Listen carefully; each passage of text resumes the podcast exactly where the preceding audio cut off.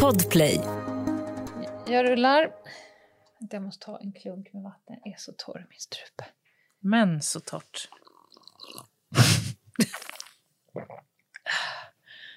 Jag har en sån ny bra hållhake på dig. Om du, för ibland blir du jätte, jättetråkig.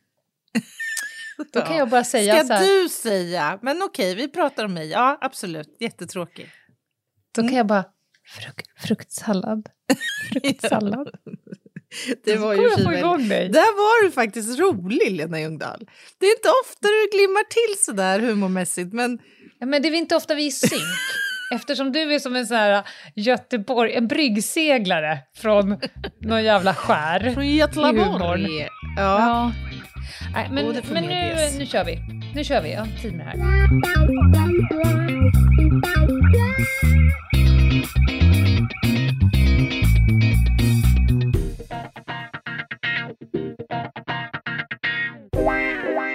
Välkomna till krimpoddarnas krimpodd Över min döda kropp. Med mig, Anna Jinghede.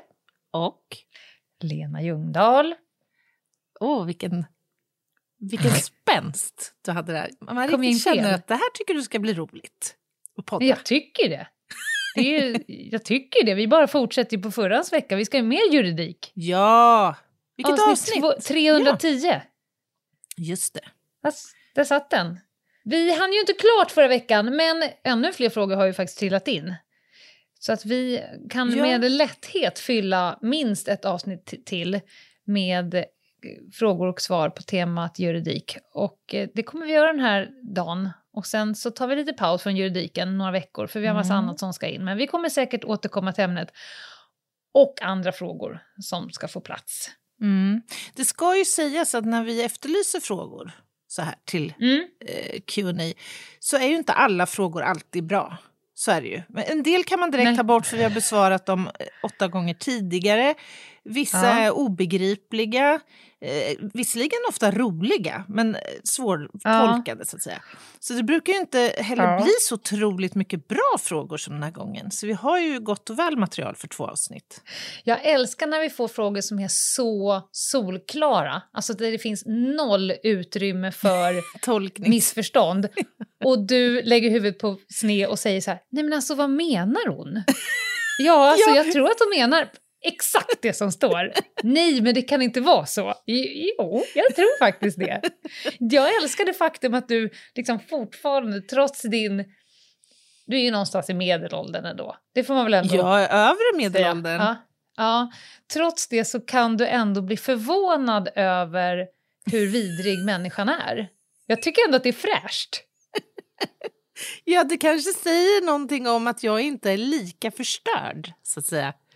Nej, Som är du du. så. Ja, nej, jag på, om, om det är definitionen, då är jag tvärpaj, kan jag säga. Ingenting förvånar mig i mänsklig dumhet längre. Men okej, Eh. är det något annat vi ska prata om innan vi kör igång?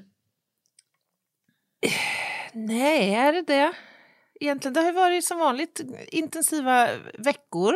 Vi planerar Mm. för kommande krimquiz eh, eh, som skola ske i Ystad 13 maj. Ja, och det bekymrar ju oss lite, för det har ju kommit till vår kännedom att människor inte är riktigt friska i, i, eller vid sina sinnesfulla bruk och bestämmer sig för att gå på krimquiz Ja, igen. kan vi prata om Vilket gör... det? är ju så konstigt. Det är ju konstigt. Ja, det är konstigt. Ja. Men det är ungefär som att jag skulle lösa Melodikrysset två veckor rad när jag vet att det är samma frågor. Ja. Det, det skulle inte ens jag göra. Vilket gör att vi har ju behövt göra om alla frågorna i princip. Ja, Eftersom Ja, de som var i. Varberg kommer dyka upp i Göteborg. mm, mm.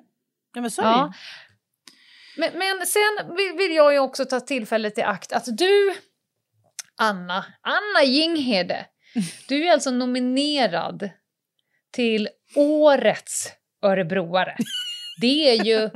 Det, för mig är det ingen förvåning, för jag har försökt vid ett par tillfällen att vara i Örebro med dig och det är ju lika trevligt som att besöka Mordor eller någon, något annat Det är ställe. väl Ja, jättetrevligt. men man kommer Jo, jo, det, alltså, du är ju trevlig och stan är trevlig, men man kommer ju ingenstans för det är så här, åh, Anna!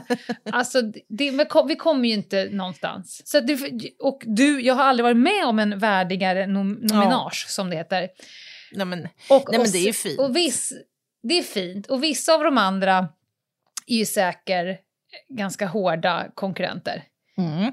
Vissa, vissa undrar man ju hur de hamnar där. Ja, men lite, det, det, är högt och lågt alltså. Men, det, men det, jag tycker ändå det är härligt. Det är minst en, en, minst en person som inte har gjort något vettigt åtminstone senaste halvåret som har grävt sig själv en djupare och djupare och djupare grop. Kan det vara en viss ja. partiledare du åsyftar? Eventuellt. Ja, ja. Jag skulle bli otroligt förvånad om vad blev årets någonting. Ja, men det här men... ska ju alltså det är ett småstadsfenomen det här som du beskriver ju. Att man blir igenkänd på stan för tämligen fjuttiga ändå samhällsgärningar. Alltså jag menar, jag menar inte att förringa mig själv men jag är ju inte en celebritet som en... Alltså så, jag är ju inte kändis. Fast... Fa Nej, men, alltså, mycket kan jag säga om dig som kanske inte är tvärpositivt. men fjutt viktiga samhällsgärningar. Ja, jag, jag tror menar... kanske aldrig att du har haft mer fel än precis i detta uttalande. Och du har ganska ofta fel, Anna Jinghede. Men så där fel har du jo, nog aldrig haft. Det men... finns ingenting fjuttigt med din persona. Och framförallt inte när det kommer till samhällsgärningar. Nej, men jag menar, förra året så, så vann ju en person som jag ser mycket, mycket upp till, Jonas Ludvigsson, som är forskare och läkare och var, var en oerhört stark röst och balanserad röst i hela pandemidebatten. Alltså han har gjort mm. Ska du veta. Alltså där mm. är inte jag. Men, men det är ändå så blir man otroligt glad och, och hedrad och det är häftigt. Ja, det jag vill komma till det är ju att nu, alltså nominaget är ju gjort. Nu är ju själva röstningen och vinnaren kvar att mm. utse. Mm. Och där har vi ju alla en chans. Ja. Så ni som tycker att Anna har fel, alltså ni som ser sanningen, ni går ju då in på Närkes Allehanda. Man kan bara googla på Årets Örebroare ja. så kommer det komma upp där hur ni röstar. Och de öppnade ju upp, det var ett jävla fason att vi som inte eh, prenumererade på tidningen var tvungna ja. att skicka vykort. Ja, Hallå konstigt. 1861. Men nu kan alla gå in och rösta digitalt. Nu gör ni fan det så Anna kammar hem det här priset. Ja, jag skulle bli så glad. Ja, såklart. Det där kommer mm. vi hjälpas till. ja, men det var väl det, eller?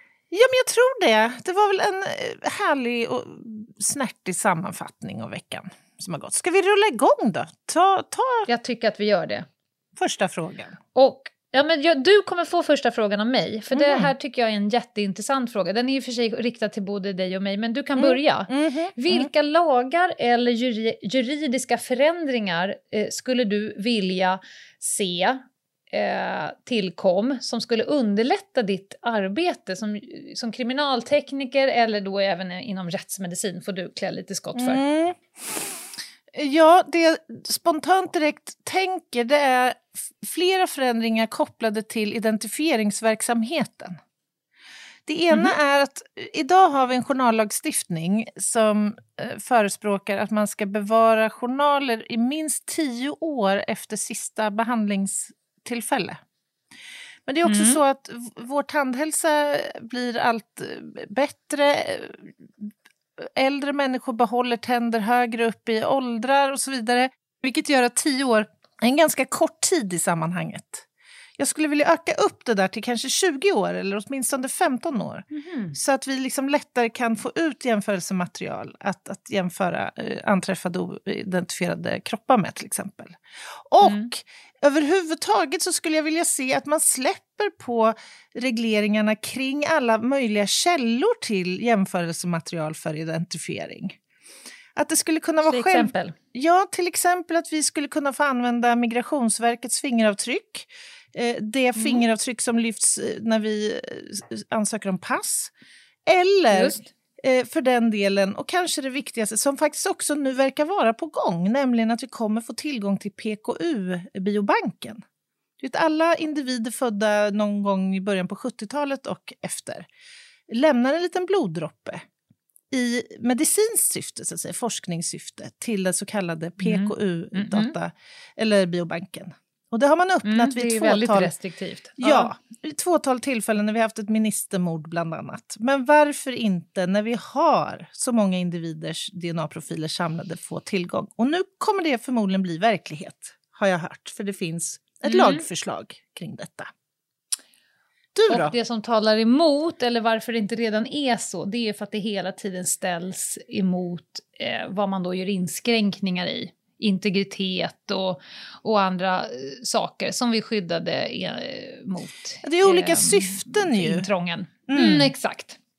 Och då får man bestämma sig vad som väger tyngst i princip. Men jag, jag kan ändå tycka att det är ju trots allt en mänsklig rättighet att återfå sin identitet efter döden. Det är ju få argument som är lika eh, starka eller viktiga eller angelägna som det, tycker jag.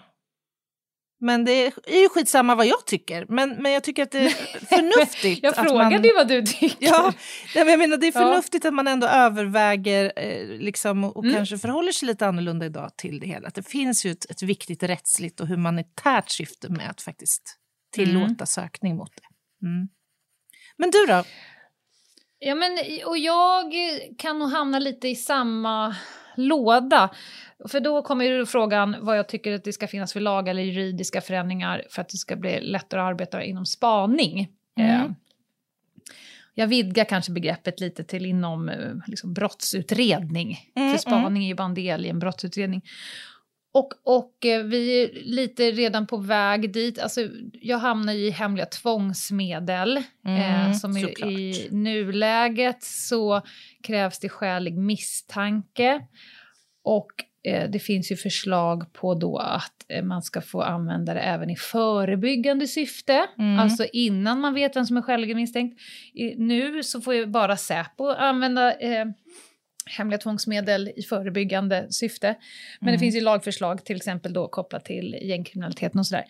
Men, men och vi är ju hela tiden, vi utvidgar ju verktygslådan för att Mm. beivra eh, brottslighet och ehm, utreda eh, oss fram till någon form av sanning.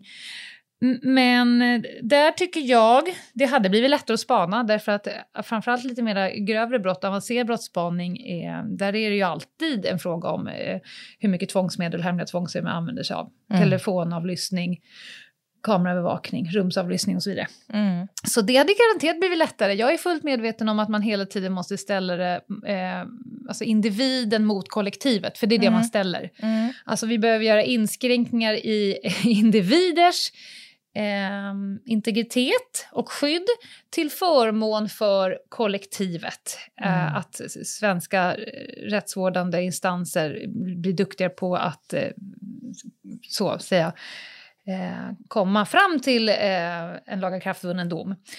Och eh, så är det alltid. Och jag skulle vilja säga så här, jag föreläste igår, då kom jag att tänka på det här eftersom jag hade sett frågorna. Det finns ju en norm, eh, en norm och värderingsundersökning eh, som kommer en gång om året där man kollar på normer och värderingar eh, i hela världen Mhm. sett till de normer som finns och där man kollar land för land och sen klumpar man då ihop vad som då är normen och då tittar man på en, en av skalorna så är det då eh, grupp och individ och Mm. på den andra är det traditionellt och sekulärt. Och då skulle Mhm. jag vilja säga en sak. Varför det är så förbannat svårt att göra inskränkningar för individen i Sverige utan vi ser alltid individen före kollektivet. Mm, alltså mm. hur, jag vill inte gå med på det här för det drabbar mig som individ. Jag skiter i att det skulle gynna samhället eller kollektivet. Och det är för att om man ser till alla länder i hela världen så är Sverige del, det, det landet, inte vi är en av några, utan vi är det landet som ligger längst ifrån världsnormen i hela världen. Så att Sverige och svensk Men mentalitet och norm, det är en avart på denna jord. Vi må tycka att vi är i mitten av den här, alla borde vara som oss och det är så konstigt att folk inte fattar eh, eh, hur vi tänker och så vidare. Då ska man tänka att vi är konstigast på jorden sett till normer och värderingar. Och då är det inte kanske så jävla lätt att förstå. Eh, och den kommer ut en gång om året. Om ni som är sugna, bara vad pratar om Lena? Då kan ni gå in på World Value Survey. Den kommer då ut, eh, jag tror att det är en gång om året och varje gång den kommer ut så har vi glidit lite längre från mitten. Den Mhm. senaste gången den kom ut var i december 22 och vi ligger alltjämt jävligt Men, bort. men förstår jag Längst dig bort. rätt? Alltså det Ja. är en mätning av våra normer och attityder kring människan i relation Mm. till staten eller till, du, du Ja. sa kollektivet. eh, Så, Ja, det är liksom två, om du tänker ett sånt här diagram, på den Mm. nedre så är det grupp på ena hållet och individ på andra Mhm. hållet. Mm. Och på den andra är det traditionellt och sekulärt. Så man jämför att vi Mm. ligger liksom så långt ut på individ man kan komma och så långt upp på sekulär man nästan kan komma. Mhm. Några är lite till, Japan är lite högre på det sekulära. Eh, om vi då jämför med de som är liksom längst åt andra håll, om du tänker Oj, där gruppen, Ja. där gruppen går före individen i alla enskilda Ja, fall ja. och där man är traditionell. Längst, längst, längst bort från oss, där har vi ju Jemen till exempel. Ghana, eh, eh, Marocko, Egypten och så vidare. Och upp hos oss ligger Sverige, Danmark, Norge, Finland, Nederländerna, Schweiz, Island, Tyskland och så vidare. I mitten av normkartan, där har vi Israel, Thailand, Chile, Malaysia, Sydafrika och Vietnam. De är Mhm. ungefär i mitten av alltihopa. Och, och, Och varför hur- säger jag det här? ja. Ja, förlåt. Nej, jag bara, jag, det här är superintressant. Vet, Mm. vet du hur liksom gruppen definieras? Är det, är det familjen? Är det, är, det, är det stammen? Är det landsmedborgare? Nej, jag såg någon- Är det, Jag tittade lite djupare på den här för några år sedan och då, och då till exempel så gjorde man då exemplet att i Jemen om, om man äger ett hus eller en bil eller någonting, Mm. det är aldrig någonting som ägs av en individ utan det är liksom Mhm, gruppen och sen om mhm. gruppen är en familj, släkt eller Ja, en, ett, fattar. ett samhälle. Men i alla fall, det jag skulle säga var att jag, jag förstår varför det är så förbannat svårt att, att ändra på saker som gör inskränkningar i individens friheter i Sverige. Mm. Mm. Sett till det här, att för oss är individen allt. Du, Ah. Jag är en unik snöflinga och du ska fan i mig, statjävel, tala om för mig vad jag ska tycka och tänka och säga. Och det är ju ganska förankrat redan i vår regeringsform. Mm. Det står ju Mm. Ja, i ja. princip där att du får tycka, och det är vi väldigt rädda om. Att man får Mm. tycka vad man vill, att jag Ja, får särskilja mig själv från gruppen. Och ja, Mm. men sett till spaning så kan jag se ganska många fördelar i att inskränka för individen genom eh, till exempel utvidgade möjligheter att använda hemliga tvångsmedel. Eh, och sen så... Ja, vad ska jag säga? Det är så mycket med spaning som inte går Mm. att reglera. Som är väldigt okonventionellt. Mm. Alltså, eh, om, jag, om vi skulle instifta en lag som säger att man inte får filma en annan person, eh, då faller ju rätt många yrken. Mm. Om man hela tiden ska säga att du får inte filma mig, då kan vi ta bort alla fotograferna på en fotbollsplan. Vi kan, alltså det, Mm. eh, så att man, man faller inom ramen för sånt som är så fritt redan. Mm. Eh, men, men ehm, ja, sen finns det rätt mycket så här att, eh, inom Polismyndigheten. Alla reglementen, alla rutiner, policies och sånt som, som gäller alla poliser. När de gjorde Mm. dem så glömde man bort att det finns en grupp inom polisen som inte eh, kan ha vapnet på det där sättet eller vara Mm, klädd på det där mm. sättet. Man har liksom glömt bort inom Polismyndigheten att det finns en spaningsverksamhet. Mm. Mm. Så man måste hela tiden jobba i gråzon därför att det, det är inte gjort för, för spanare. Det är gjort för uniformerade personer. Bra svar. Eh, På tal om eh, integritetskränkning, Mm. var inne på, Mm. så har vi fått en fråga om chat control. Känner du igen begreppet? Alltså, förlo- frågan Mm. lyder, jag har fått nys om att Ylva Johansson som eh, EU-kommissionär har lagt fram ett lagförslag som heter Chat eh, Control 2.0 som skulle Mm. innebära inskränkningar i den privata sfären. Är detta något ni vet något om? undrar frågeställaren. Och det är alltså ett förslag förenklat om massövervakning vi pratar om här, som då eh, lades fram av eh, Ylva Johansson för ett år sedan ungefär. Och det här är ju lite kontroversiellt, för i då detta förslag eh, så, så föreslås att alla typer av egentligen digital kommunikation som sker inom EU ska kunna Mm. både övervakas, filtreras och läsas eh, i syfte då att eh, beivra brott. Så, och vad Mm. pratar vi om? Ja, det är telefoni, videosamtal, det kan vara forum på, på nätet, det kan vara cloudlagring av data, e-post. Det kan vara det vi gör, Lena, när vi skriver våra böcker. Vi har ett gemensamt dokument online som vi skriver i, ett manus som kanske då storebror ska läsa. Det kan vara eh, Nej. vad du röstar på i, till årets örebroare eller skriver för kommentar på Nerikes Allahandas feed och så vidare. Mm. Och det här är ju lite speciellt, det här förslaget får man ju ändå säga. För att någonstans så går ju det här stick i stäv med våra mest grundläggande demokratiska fri och rättigheter. Alltså att du ska kunna kontrolleras i alla avseenden hur du kommunicerar och vad du kommunicerar och med vem. Eller? Ja, så sett till precis det jag sa så är det här så långt man kan komma åt andra hållet. Det man försöker nu ändra på det är att vid specifika fall eller eh, när vissa, sa, vissa kriterier uppfylls och så vidare att man då kan utvidga det som redan är ganska strikt reglerat. Nu pratar ju du om vi kastar in alla. Alla ska övervakas i alla tänkbara scenarion Mm. oavsett vad. Då har man ju... Ja, Ja, det, här- det, är att dra, det är att spänna bågen långt. Kan Ta ett tycka. exempel. För långt. Vi tar exemplet min son ska skriva ett specialarbete om, låt säga, IS. Eller Ja. någon annan icke-demokratisk eh, och eh, ganska obehaglig eh, företeelse. Mm. Då kommer de här sökningarna eh, på Google att registreras. Dokumentet som kanske har skrivits för att redovisa vad man har hittat om den här företeelsen granskas. Rapporter Mm. kommer att ske till polisen till, eh, och till andra rättsvårdande myndigheter. Förstår du också hur arbetsbördan och belastningen kommer att, så att säga, öka Ja. Linjärt? Och sett till den här äh, normkartan som jag pratade om så är då enligt den Sverige det landet i världen som kommer protesteras högst emot den här typen av intrång. Medans kanske eh, ett land som då ligger eh, mer på ko- kollektiv grupp kommer säga Ja, jag antar att det är så. Det är väl någon annan som tjänar på det här. Ja, jag tänker också att även om man skulle förbjuda kryptering, krypterade chattar och allt det här så skiter ju de här som håller på med ljusskygga verksamheter i det. De kommer ju fortsätta kommunicera ja. oaktat vad EU-lag föreskriver. Det är mm, troligt, ja. Ja, eh, så det här vi får, Ja, vi får, får väl eh, avvakta och se. med spänning. Mhm. Mm. Och du, eh, jag kommer ställa nästa fråga till dig.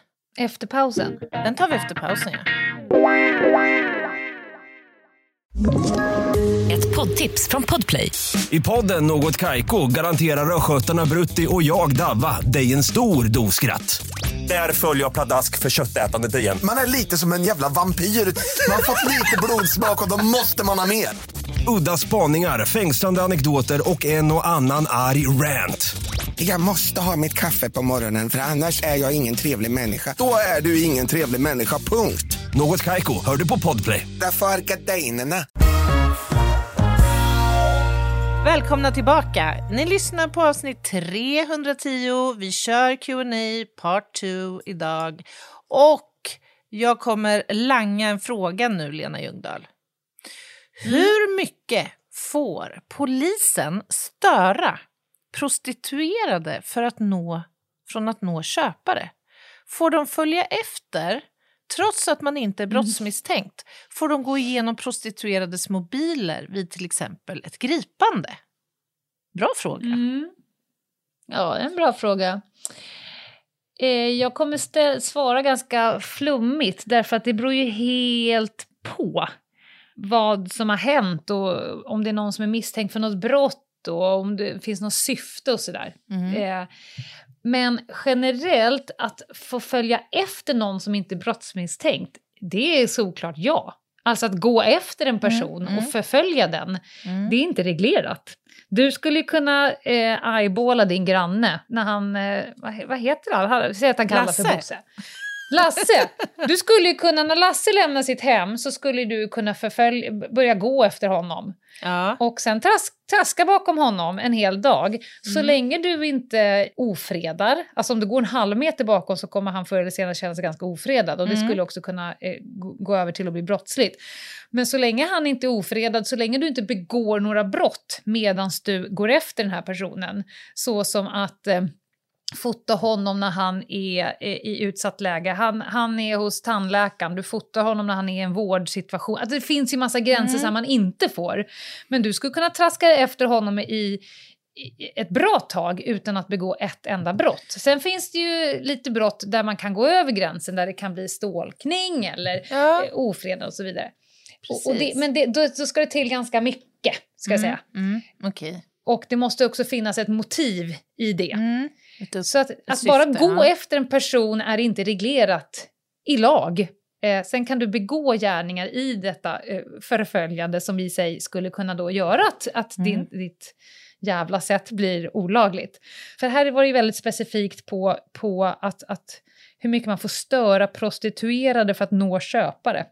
Mm. Det beror på vad man lägger i begreppet störa, skulle Mm, jag börja med mm. att säga. Mm. Det är ju då i Sverige inte olagligt att sälja sex, utan det är olagligt att köpa Mm, sex. Så i det mm. här fallet så följer man ju då efter eh, ett, ett brottsoffer Mm. för att komma åt en misstänkt. Mm. Eh, så att ja, man får, man får följa efter människor som inte är brottsmisstänkta oavsett eh, så att säga, vad den personen har gjort. Mm.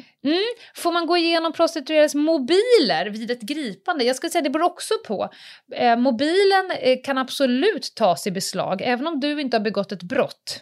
När du har sålt sex så kan mobilen tas i beslag och utgöra liksom, underlag i en brottsutredning. Så det kan Mm. du absolut få göra.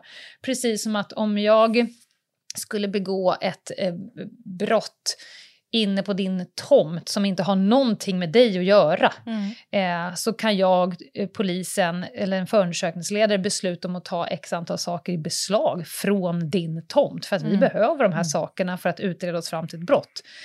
Eh, men mobiler, eh, det står så här, får man gå igenom? Det betyder, om man ska gå igenom en mobil så betyder det generellt att den har tagits i beslag Mm. och sen så undersöker man mobilen och sen häver man beslaget när man Just. är klar med det. Mm. Så att mitt svar blev väldigt så här eh, flummigt. Mm. Det beror på. Men det är omständigheter. Men, men i grunden så får man gå efter folk och ja, man får ta eh, mobiler i beslag och gå igenom dem även om personen som äger mobilen inte har begått ett brott. Var Mm. det tillräckligt? Ja, nej, men jag tyckte det var ett bra Ja. svar. Absolut.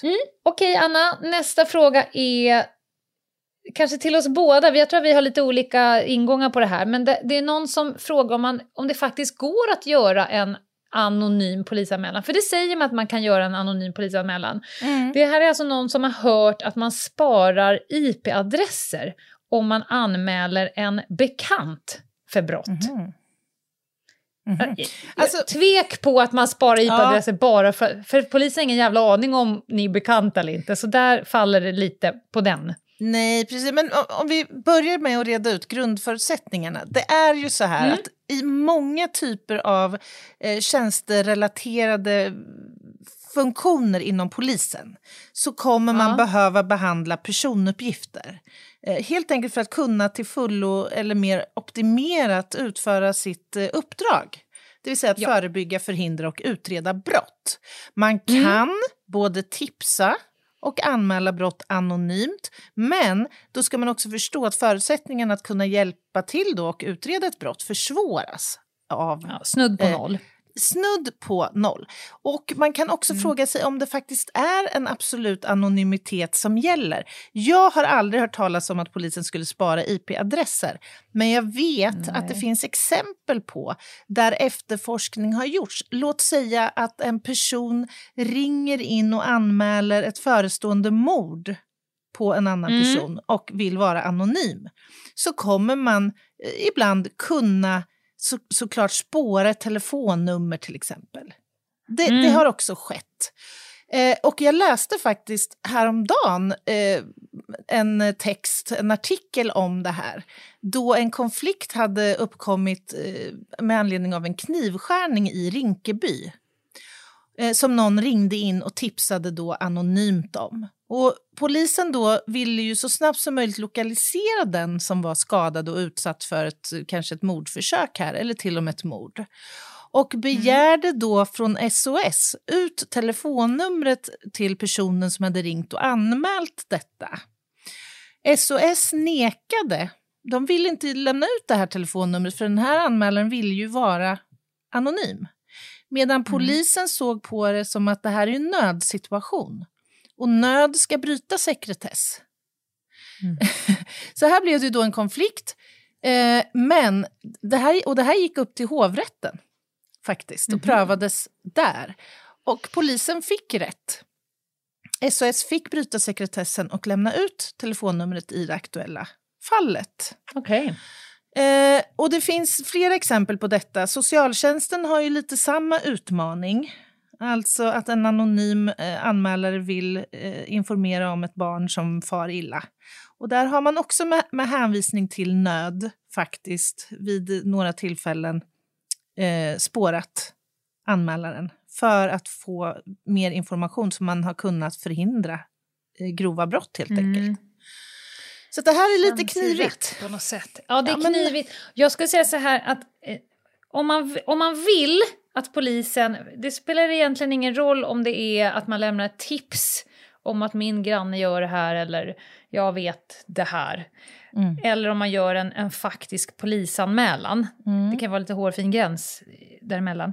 Men om man vill att polisen ska kunna göra någonting då måste man förstå att polisen värderar uppgiftslämnaren Mm. och värderar själva uppgiften, framförallt i ett tips. Det finns nästan en sån skala där man jobbar med hur, eh, hur kan vi värdera vem som den här uppgiften kommer från? Mm. Och, och hur kan vi värdera sanningen i det. Här, Hej, jag heter jultomten. Min granne har en pistol i sin tredje byrålåda. Om man inte kan göra någonting, mm. eh, om man inte kan gå vidare, då kommer polisen aldrig i det fallet inleda en förundersökning och åka fram och göra en husrannsakan för att hitta pistolen. Det kommer inte göras ett jävla skvatt kan jag tala om för er. Så att vill du att det ska hända någonting, då bör du också kunna ge polisen fragment av någonting så mm. att man vet vad man har att gå på. Mm. Eh, så helst inte anonym. Eh, sen kan det vara så att man absolut vill säga saker och eh, det kan vara så att man är rädd för sitt eget liv och mm. inte vågar. Man vill berätta men man vågar inte. Ja, då skulle jag nog, om det var jag, så skulle jag skriva skiten ner på ett A4-papper mm. och gå in till polisstation och dunka upp på bänken och sen bara gå. Mm. Eh, så. Men med då vetskapen att det kommer nog mest troligt inte hända någonting. Nej. Eh, Ja, men det här är... Och jag förstår varför, om man vill vara anonym, för att är du inte anonym och du vet din ID, då kan du eh, med tvång behöva vittna, mm. till exempel. Mm. Om det är något sånt. Så det är jättesvårt, men... men ja, för, låt oss inte heller glömma, ja. Lena, att polisen också i behov av iakttagelser och uppgifter. Eh, mm. Även om eh, uppgiftslämnaren vill vara anonym, eller anmälaren, så ja. att det här betyder inte att vi inte tacksamt tar emot informationen men det är mer eh, Nej. optimalt om man faktiskt vågar eller väljer att ange sitt, sitt namn. Sen ska sägas mm. Alltså en, en polisanmälan i sig det är ju en, en offentlig eh, handling, eller rättare sagt den blir offentlig och kan begäras ja. ut om, om man, utredningen läggs ner eller går till åtal och sådär. Ja. Däremot så kan man ju alltså sekretessbelägga uppgiften om vem som har anmält, om nu anmälaren verkligen har velat vara anonym eh, och, och, så. Och det gäller även personuppgifter som hanteras inom till exempel underrättelseverksamheten, där man har anonymt tipsat. Då görs ju bedömningar. Mm. Mm. Precis. Men det finns ju inga rätts... Det finns ju liksom inga eh, fall som tas upp i rätten där åklagarsidan står och säger att den här personen är misstänkt för det här och här och här. Varför det? Jo, vi har fått ett brev av någon som har undertecknat sig av jultomten. Alltså det kommer aldrig leda till ett Nej. jävla skvatt utan det måste finnas någon, något ord, åtminstone en ord, iakttagelse, ett vittne som med sin identitet mm. och ed går i god för att det är så här. Mm. Man kan inte bara kasta ur sig någonting och sen så tro att rättssamhället de kan ju då med det fragmentet av information själva utreda sig fram till bevisen ja. så att Ja, ja. du inte behövs. Mm. Men det är mycket svårare. Mycket svårare. Mm. Yes! Bra! Jag kan ta några korta. Mm. När har man inte rätt till en advokat? Ja, det, det är, lyssna på avsnitt 43. Eh, Mm. Där går vi igenom alla de delarna. Eh, och sen så kan jag ta den här, varför är det inte olagligt att rymma från fängelset? Här är ju Sverige, det är inte så att det är generellt så över hela världen. I, i många länder så är det olagligt Mm, att rymma, mm. men i Sverige är det inte det. Eh, och eh, lite olika förhållningssätt. Man är redan dömd till Mm. ett straff, du håller på att avtjäna ett straff. Du är redan dömd till ett, ett eh, straff. Eh, däremot så om du skulle rymma och begå ett brott när du är på flykten, Mm. då, kommer det ju, eh, då blir det ju ett nytt brott. Då kommer du få krypa in, avtjäna det du redan skulle och så kanske det också blir en rättsprocess och du kanske får då ett förlängt Mm. eh, straff. Och det finns ju också brottsliga handlingar. Till exempel nu senaste tiden så var det ju en främjande av flykt, alltså när några hjälper till Mm. att fly. Det är ju i sig ett brott. Eh, och det kan också, om du flyr, även om du inte är olagligt, så kan det påverka din chans att få permission framöver. Det kan också eh, stryka din den så kallade villkorliga frigivningen, där du får gå ut efter två tredjedelar av straffet och så vidare. Men huvudregeln, eller varför man då ser motståndare till det här att det ska vara, för det är, ibland så snackas det om att man ska kriminalisera att fly, Mm. det är att man inskränker en människas hopp om frihet. Alltså, Men har inte... Åh. vad känner du när jag säger Ja, det? men att man vill ge här- människor en... Alltså om det hade varit olagligt att fly eh, så kommer också... Din, din hopp om att friheten ändå finns någonstans skulle kunna påverka dig negativt där inne och kanske påverka din chans att rehabiliteras och så vidare. är så skevt. Vad säger du, Anna? Det här, är, det, men Ja. det här skeva för mig, om det här skulle vara en faktor värd namnet i sammanhanget så borde väl det vara en faktor som vederbörande kanske borde ha utvärderat innan man begick det där mordet eller sköt ihjäl en annan människa, så att säga. Alltså, Ja. så här, kom inte nu, lite så kan jag känna spontant. Jag tycker att det, det är motsägelsefullt. Alltså, nu sitter du här inne på Ja. livstid. Ja, Men jag vill ändå att det ska kännas ett Ja. litet hopp om att du skulle känna- kunna fly. Det är en, det är en, det är en konstig... nej det är skevt. Jag, jag, jag, det för mig skevar också, men det, jag är absolut öppen för att det kan finnas någonting i det här som jag inte förstår. Psykologiskt, Mm. eh, rehabiliteringsmässigt, att någon forskning visar på att om vi skulle kriminalisera det så kommer folk bli jävligare där inne. Jag, jag kan, det kan finnas information som jag inte har, men bara spontant så känner jag som du. Det är väl alldeles utmärkt om de känner att hoppet om friheten är borta. De sitter Ja. de facto inlåsta. Du har ju så att säga valt att- agera på det här sättet. för att vara lite krass. Jag tror att vi bara går vidare. Ja. Du ska få en annan fråga här. Poliser kan ju tvinga folk till vård och det är en sanning med modifikation. Men det finns lite olika lagar, till exempel lagen om psykisk tvångsvård där polisen kan ta ett sånt beslut i väntan på att vården Mm. Tar över. För att det går inte att vänta, utan tar vi inte den här nu och, och åker till psykakuten så kommer den Just här det. ta liv av sig själv eller någon annan. Och då behöver man inte vänta på att en doktor träder i tjänst. Mm. Och så finns det också LVM, lagen om våra missbrukare, och då är det oftast handräckningsbegäran eller att polisen gör på samma sätt. Mm. Finns det något annat sätt som polisen kan tvinga folk till vård? Säg att du åker till en trafikolycka, Mm. eh, du har brand, brandisarna har klippt bort taket och nu bara nu Mm. ska du in och för att vi har säkrat din nacke. Om den här personen säger Hell to the fucking no, Mm. ni gör ingenting, jag ska inte till något sjukhus. Kan man med tvång tvinga en person till sjukan? Ja, men alltså, det här är återigen en jättebra fråga och jag var tvungen att tänka Mm. till två gånger här. Det är ju så här, jag skulle först vilja säga det enkla svaret är nej. Polisen kan inte göra det.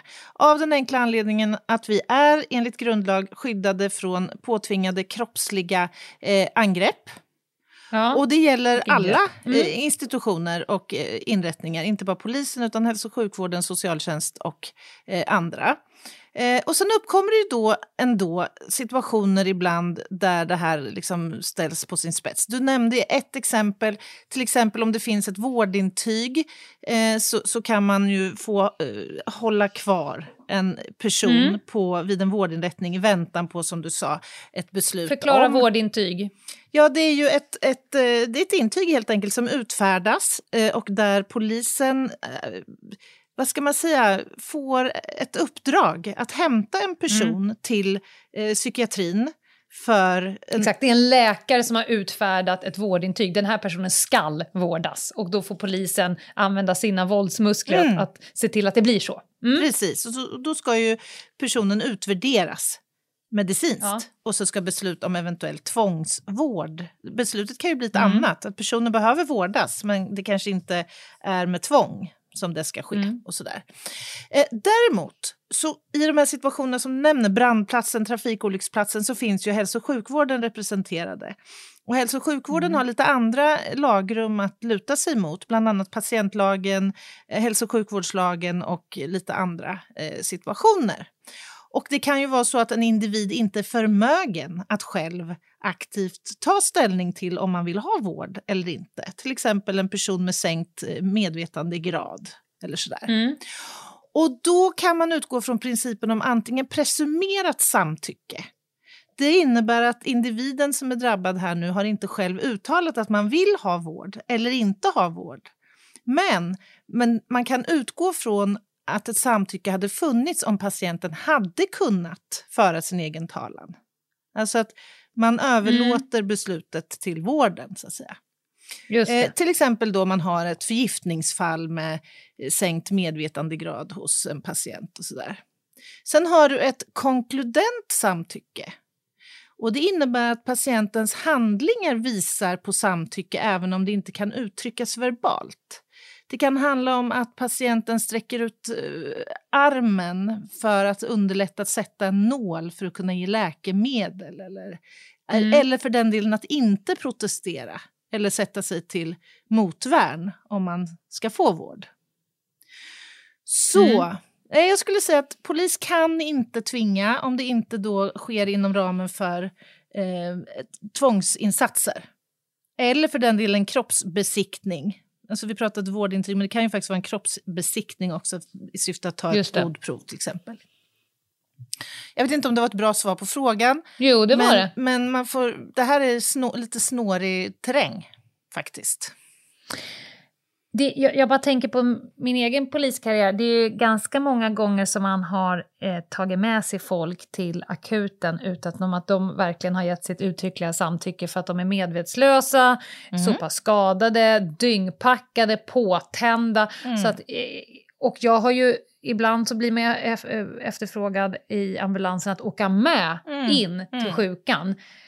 Och man har legat fan och brottats med den här människan på Ja. båren Ja, ja. som är våldsam, eh, gör utspel, inte vet jag, har tagit GHB, flippar och så Mm. vidare. Så att jag har nog ganska många gånger tvingat människor till vård. Eh, Mm. Därför att man har ingen du vet ju knappt själv vem du är nu, så det du som kommer ur din mun så får man ju bara lämna därhän. Nej, men, och då För skulle man ha kastat ut alla människor ur ambulansen så skulle jag nej, nej, då hade det legat döda människor spritt men- och gator och torg. Det är ju ett ganska bra exempel på ett presumerat samtycke. Det här är en individ Ja. som inte är i förstånd att fatta beslutet. Men Mm. personen kommer sannolikt vilja överleva eh, intoxen, så att säga. Ja.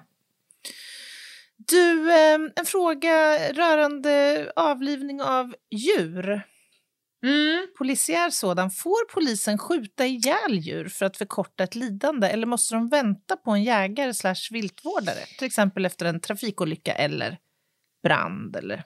Jag skulle säga så här, jag kommer tala ur mitt förnuft och jag kommer killgissa här för jag känner mig ganska säker. Mm. Och jag vet att det har hänt många Mm. gånger, där man har kommit till plats, gärna trafikolyckor, där, Mm. där liksom ju, ligger djur med benen av och skriker och så vidare, där polisen har gjort lidandet ganska kort. Igen, Mm. Huvudregeln är ju att det ska vara viltvårdare eller jägare som ska göra det, därför att de är duktigare på Mm. Mm. att avliva djur på rätt sätt. eh, Så. Man vet ju fan knappt själv vad sitter hjärtat på en älg Nej, nej, och funkar min Sig Sauer.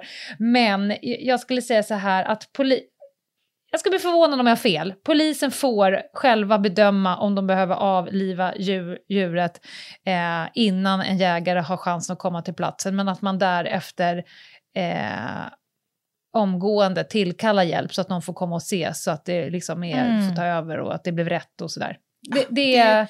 Det är någon form av barmhärtighetsinsats, Ja. om inte annat. Nu har Ja. nu är inte djur en egen juridisk person och vi kan inte prata nöd och alla de här eh, aspekterna. Men, men eh, jag har aldrig faktiskt hört talas om heller kollegor som har agerat på det här sättet. Jag menar, är vi uppe i Norrland, det kan vara tre timmar fram tills en Ja. jägare eller en kommunens... Eh, ja, alltså, det, kan, det kan vara sådana aspekter också som, som gör att man Mm. fattar det här beslutet. Och, och mig vetligen har jag, jag har aldrig hört talas om att det här har inneburit några Jag hittade en artikel här. Mhm. Eh, där en jägare har, eh, är väldigt kritisk till en polisinsats där man har Mhm. skjutit 20 skott med ett tjänstevapen för Oj. att få död på en trafikskadad älg. Och då så säger då den här personen att det tyder på att poliserna saknar erfarenhet och kompetens om hur man avlivar älgar. Ja, alltså, Ja. du är ju inte automatiskt jägare för att du är polis. Jag Nej, vet nej. inte riktigt. Jag ska också tro... Ja, eh, det borde räcka med ett skott. Ja, det, och det gör väl jägarna. De gör ju oftast med ett skott och då Mm. vet att de vet vad, ska, vad de ska skjuta. Och det är lite skillnad att skjuta med en pistol och det. ett höghastighetsvapen, eh, vapen, ett, ett gevär. Eh, men eh, inte att det är fel. Utan eh, att det saknas kunskap och det är också därför det finns en, en, en eh, yrkeskår som är bättre på det. Mm. Men ibland så, det vi kallar inom polisen för formation skithög, ibland eh, så finns, man får välja mellan jättedåligt och ännu sämre. Mm, Och mm. i det får man ta ett sekundoperativt beslut och så får man säga tack och förlåt i efterhand. Jag gjorde Ja. mitt bästa. Jag tror att det är en typisk sån situation. Det tror jag också. Jaha, vad har vi kvar på listan? Ehm, En paus. en paus har vi kvar. Vi har kvar en paus. Just det, Den kommer vi ta nu och sen kommer vi ta några avslutande frågor för sen har du en jätte, jätteviktig lista. stämmer fint. Strax tillbaka. Ett poddtips från Podplay. I podden Något Kaiko garanterar östgötarna Brutti och jag, Davva, dig en stor dos skratt. Där följer jag pladask för köttätandet igen. Man är lite som en jävla vampyr. Man har fått lite blodsmak och då måste man ha mer. Udda spaningar, fängslande anekdoter och en och annan arg rant. Jag måste ha mitt kaffe på morgonen för annars är jag ingen trevlig människa. Då är du ingen trevlig människa, punkt. Något Kaiko, hör du på Podplay. Därför är gardinerna. Välkomna tillbaka till Krimpoddarnas krimpodd Över min döda kropp avsnitt 310. Och nu ska vi ta en fråga som är... Ja, vi kan ta den här. För att den är så rolig och också jättejobbig. Om man skjuter inifrån Tysklands ambassad in, in i, alltså Tysklands ambassad som ligger i Sverige. Och så skjuter man in i Japans ambassad och dödar en person. Har mordet skett i Japan, Tyskland eller Sverige? Fan, och då skulle jag säga, för igen, det här är en person som, som, det här är en typisk polishögskola-fråga där man tänker så här, vad åt du till frukost som Mm. kom på den här frågan? Men jag skulle snabbt säga så här att det är en vanlig missuppfattning att ett lands ambassad tillhör det landets territorium. Mm. Alltså den, den tyska ambassaden i Sverige, det är liksom inte Tyskland. Eh, så, så ambassaden ligger fortfarande i, i Sverige. Sen finns det lite regler kring de här ambassadmarkerna. Alltså om man tänker sig... jag- skulle säga att, att svenska staten kan inte säkert göra samma saker om de ska göra en husrannsakan inne på Nej. ambassaden eller gripa någon som är där. Då, då, blir det, då bör man nog tänka 43 varv innan man kliver in. Mm. Men marken är de facto innanför Sveriges landsgränser. Ja, men det är det här med brottsforum igen som vi pratade om Mm, förra exakt. veckan. Men jag tänker också, det finns exempel på efterlysta personer som ska gripas eh, eller anhållas eller häktas så som misstänkta för brott och där man har tagit sin tillflykt till en ambassad. Därför att man vet att det inte finns till exempel ett utlämningsavtal mellan det aktuella landet Just och det. så att säga, det, det finns ju ett antal exempel på. Och där skulle man Mm. då kunna tänka sig att ja, men om det är samma lagstiftning som gäller i landet som på ambassaden, då skulle man ju kunna verkställa en personell husrannsakan och kliva in och eftersöka Mm. den här personen till exempel. Så det måste ju vara något special där som du var inne på. Ja. Men, men det, det, det lilla jag vet i alla fall att i, ty, i Tysklands ambassad som ligger i Sverige eh, Mm. då gäller de lokala lagarna, de svenska lagarna Mm. gäller Mm. för det där området. Straffrätt, Just det. civilrätt, arbetsrätt och så vidare. Så de, de, de, de har inte en egen... Eh, allt från hur man hanterar mat där inne till vilka brott man... Sen så vad man gör av det, Mm, där tror jag mm. problemet blir. För det finns ju immunitet och Mm. alla former av diplomatiska lagar och så vidare. Men det. är fortfarande i Sverige. det är så inte jag en skulle egen säga på den här... Nej, så jag skulle säga att mordet har skett i Sverige, Mm. men att från den sekunden så kommer polisutredarna få huvudvärk för vad de ska göra nu. Jag tror att det blir svaret på det hela. Tänk bara att få fram en utredare som pratar både japanska och tyska och svenska. Stökigt. Det är, en- det är en bra mix, men det, de finns säkert. Eh, Nåväl. vet du vad, jag tror att... ehm, jag tar en sista fråga, sen ska du få... Du kan förbereda dig för din lista, jag ska ge ett ganska kort svar. Får en polis strafflindring om hen begår brott privat? Svaret på den frågan är nej. Ja, av ganska givna skäl väl? Eller? Ja, Ja. ungefär som samma som på frågan innan. Det är en person som begår brott och det finns ingen som helst förmildrande omständigheter för att du någon gång i, i tidernas begynnelse har utbildat dig också till polis och har det som yrke. Så det är exakt samma eh, straffskala och straffbedömning. Den kan tvärtom, skulle jag säga, i vissa av brottskategorierna kanske bli värre. Det kommer bedömas Ja, precis. värre för att du är polis. också. Och, mm, så att, eh, det är vårt svar på den saken. Ja, och framförallt så kommer Nu du kommer- ha... Förlåt, men när en polis döms för brott så, handlar, så kommer du också i de allra flesta fall få eh, alltså disciplinära följder. Mm. Ut, utöver liksom, Exakt. straffet som utmäts så kan du också, så, säga, och så ofta sker, att du avskiljs från Mm. din tjänst och så vidare. Mm, exakt. Så en, en, en bagare som, som misshandlar någon kanske inte automatiskt blir av med sitt jobb också. Precis. Men det kommer polisen mest troligt bli. Nu Yes. kommer du alldeles strax få dra din lista. Jag vill bara komma med lite samhällsinformation innan. Mhm. Eh, vi finns på Instagram, Ljungdahl och Ginghede. Vi har en hemsida som heter ljungdahlochginghede.se och därifrån kan du nå oss på mejl och så vidare. Eh, men det viktigaste av allt är nog att säga att den 13 maj, vilket är ganska snart, Mm. så gör vi vårt nästa krimquiz-gig. Och det finns ett fåtal eh, biljetter kvar och detta kommer ske på Ystad Saltsjöbad eh, den Mm, 13 mm, mm. maj. Och jag skulle verkligen föreslå att ni kom dit. Det För att vi har härligt. redan gjort det här en gång nu och det var otroligt kul. Ja, det var det.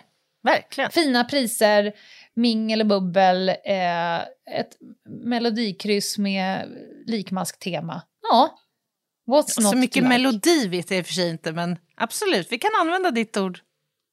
Minst en. Ja, sant. Ja. Ja. Men nu Anna, ge oss din jätte, jätteviktiga lista äntligen. Annas jätte, jätteviktiga lista. Ja, men tackar, tackar. Jag, vi har ju varit inne lite grann på det här med chat control-förslaget, Ylva Johanssons. Jag tänkte spinna lite vidare på det eh, temat. Alltså, på tal då om att, att skriva i, i chattar, skicka meddelanden till varandra, så skulle jag vilja uppmärksamma er på några riktiga fails. Alltså effekter av att vara direkt vå- vårdslös eh, ibland när man skickar Med iväg fingrarna? saker. Med fingrarna. Mm. När, när det helt enkelt går lite för fort. Jag kan relatera. Ja, jag tror att vi Här känner alla, jag att jag kommer ha en igenkänningsfaktor som är kompakt. jag tror att vi alla faktiskt kan relatera. Jag tror att det har Mm. drabbat de flesta av oss. Och vi börjar med plats nummer fem. Fredrik. Han vill tisa sin flickvän om vad som väntar till kvällen. Fy fan. Alltså det är min sämsta typ av sms. Skicka aldrig dem hörni. Det är ett jävla ovett alltså. Alltså han skriver ju då ja. till sin flick eller möjligen pojkvän. Hej, det finns eh, rester att äta i kylen. När jag kommer hem så ska du få en rejäl överraskning i sängen, haha. Och sen en sån här flört-smiley. Jag älskar Mm. dig. Ja, så kommer ju då svaret. Hej Fredrik!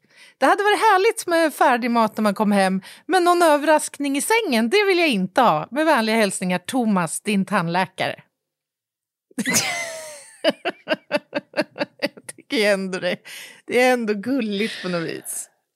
Alltså det här med att skicka till fel person, det har fan något. Ja, det har det. Det har något. Ja. Och, och lite på samma tema då, vi tar punkt nummer fyra. Här handlar det om en eh, mamma som ska mejla angående sin dotters eh, frånvaro i skolan. Så hon skriver då, det det här är ett engelskt eh, exempel. Please excuse Anna's absence on Monday. She got dick on Sunday and did not feel well Monday.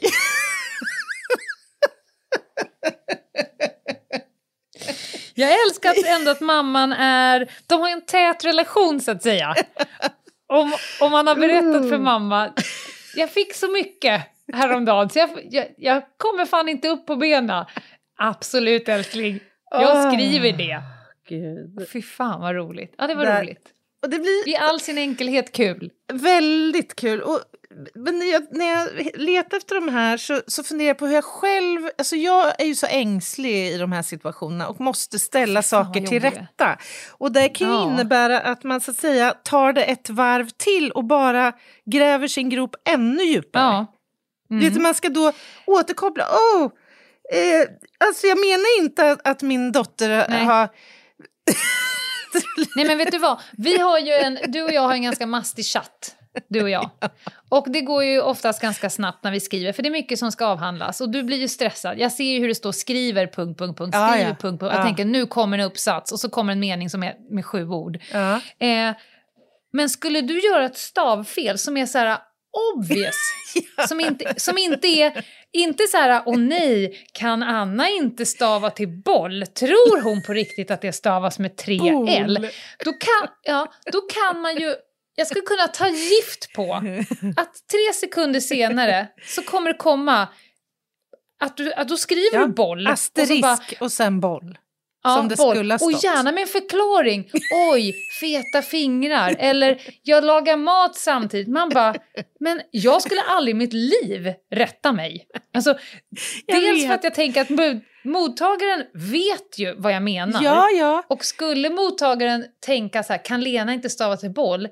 Det påverkar inte mig och mitt liv på något Nej, sätt nej, om du nej, tror att jag... Men du får panik. ja jag, får, alltså, jag förstår ju allt det här du säger rent förnuftsmässigt, absolut. Ja. Men jag får ett skav inom mig. Ja. Det är ungefär som om jag skulle använda dem på fel ställe. Nej, men det, Ja. det kan inte få passera. Liksom. Det, det måste redas ut nu att jag vet. Och då brukar jag skriva Att den- till dig så här, ah, fan vilken tur att du skrev förklaringen för att jag har läst ovan mening tio gånger. Jag förstår inte alls vad du vill att, du, att jag ska ta med mig när det står champagne istället för champagne. Och jag så här, vad vill hon ha egentligen? Är det öl? Nej, det kommer en förklaring varje gång. jag vet. Ah, Det är ju okej, då plats- egentligen du idiotförklarar mig. Ja, faktiskt. faktiskt. Man bara, alltså jag kan ta den här tolkningen. Ja, förlåt, vi går vidare. Oh my. Okej, plats nummer tre. Här är jättekort.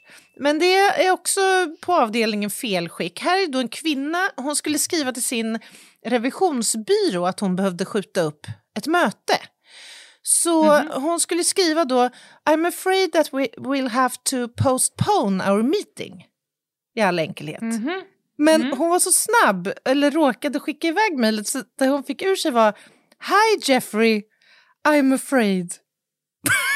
Jag tycker det är jättekul. Åh gud, han kanske ringer 112 eller 911 nu. Hi Jeffrey, I'm afraid. Och sen ingen punkt eller någonting. Det tycker jag är väldigt Nej. roligt. Det ger ju en, en liksom lite öppet för tolkning faktiskt. Ja, ja, Då ja. skulle man ju behöva korrigera. Ja. Ja. Eh, plats nummer två. Har du varit med om att du skickar sms till ett nummer som inte längre hör till den personen som du så att säga, Ja. har lagt in i, i kontakt? Det kan ju bli Absolut. väldigt tokigt. Jag har ju en fäbless för att trots att jag har gått i den där minan eh, glömma bort att direkt radera det gamla numret så jag gör Ja, det du gör det gång efter gång. Ja, det- och det är lite kul dumt. riktigt. Men här har vi då ett ganska roligt exempel på en sån situation. När eh, en person eh, drar upp, ut ett grupp-sms och skriver Hej på er alla! Idag 18.15 så kom en flicka som vägde 4135 eh, kilo har vederbörande skrivit. Jag utgår från att det ska vara gram. Ja. Men 4135 kilo och 53 centimeter lång. Franziska var jätteduktig och vi alla mår bra. Hälsningar Jonas. Mm. Ja, Jonas får ju då ett svar. Grattis till den fina fransiskan. Jag vet tyvärr inte vilka ni är, men jag hoppas ert liv blir underbart med en bebis i famnen och hängande i bröstet på din fru. PS. Tung jävla bebis. Ha det gott. Glenn. Det är jätteroligt. Man älskar ju dem som, som, eh, nej men som gör en, en, en grej av det. Man älskar ju svaret. Det är ju nästan ännu bättre. De gångerna man har gjort den här grejen och folk skickar tillbaka en ganska så snabb one- one-liner. Ja, det kan ju kul. nästan få mig att vilja fortsätta smsa. Jag blir ju direkt nyfiken på vad är det för snabbtänkt jävel som, som reagerar så här på ett ganska sjukt sms. Ganska Ja. kul också. PS. Tung jävla bebis. 4135 kilo. Ja, klokt du. Ja, kul. Åh, plats nummer ett. En epic fail när man ska ducka för att arbeta. När man så att säga ska ljuga på sms och skickar Mhm. knas. Det här behöver jag lära mig. Ja. Mm. Martin skriver då.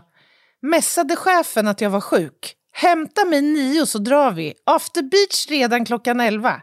Kom igen nu Britt-Marie, nu kör vi för fan. Gissa vem som fick smset? Chefen.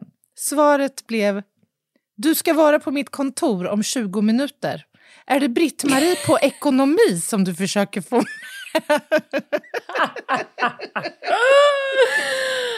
Ja. ah, Ja. Alltså man lider de- ju lite grann med, ja, med det Martin. gör man ju.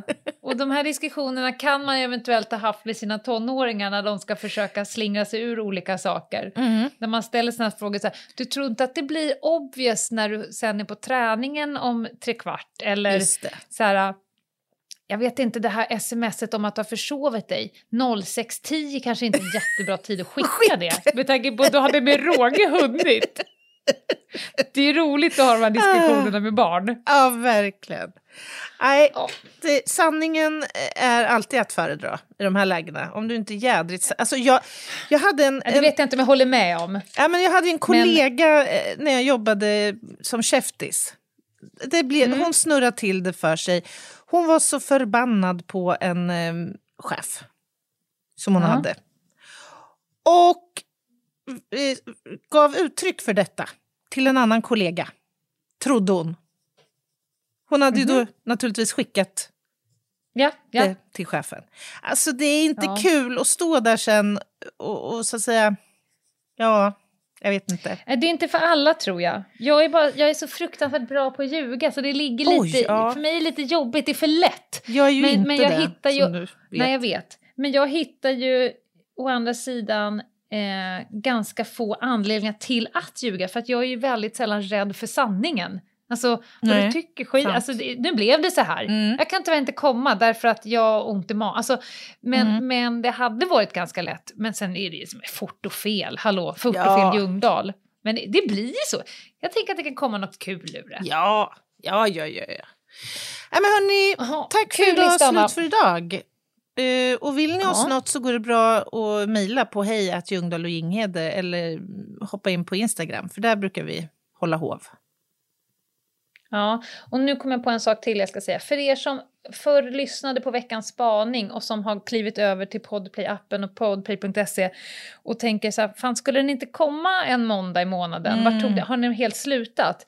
Äh, vi ligger i den så kallade baktakt med världen just nu, vi har inte hunnit. Nej. Men vi har absolut en, eh, en tanke om att vi ska kunna vara på samma... Eh, att jag, Anna och Meta ska kunna sitta vid en varsin mick någon gång under de närmsta dagarna. Så podden kommer att slängas ut till er någon gång under nästa vecka. Ja, Kan vi säga så? det kan vi göra. Ja, och den hittas ju då i Podplay-appen eller podplay.se i vårt vanliga flöde. Det var bara det. Så får det bli. Puss och kram! Puss puss. Hej då, hej då!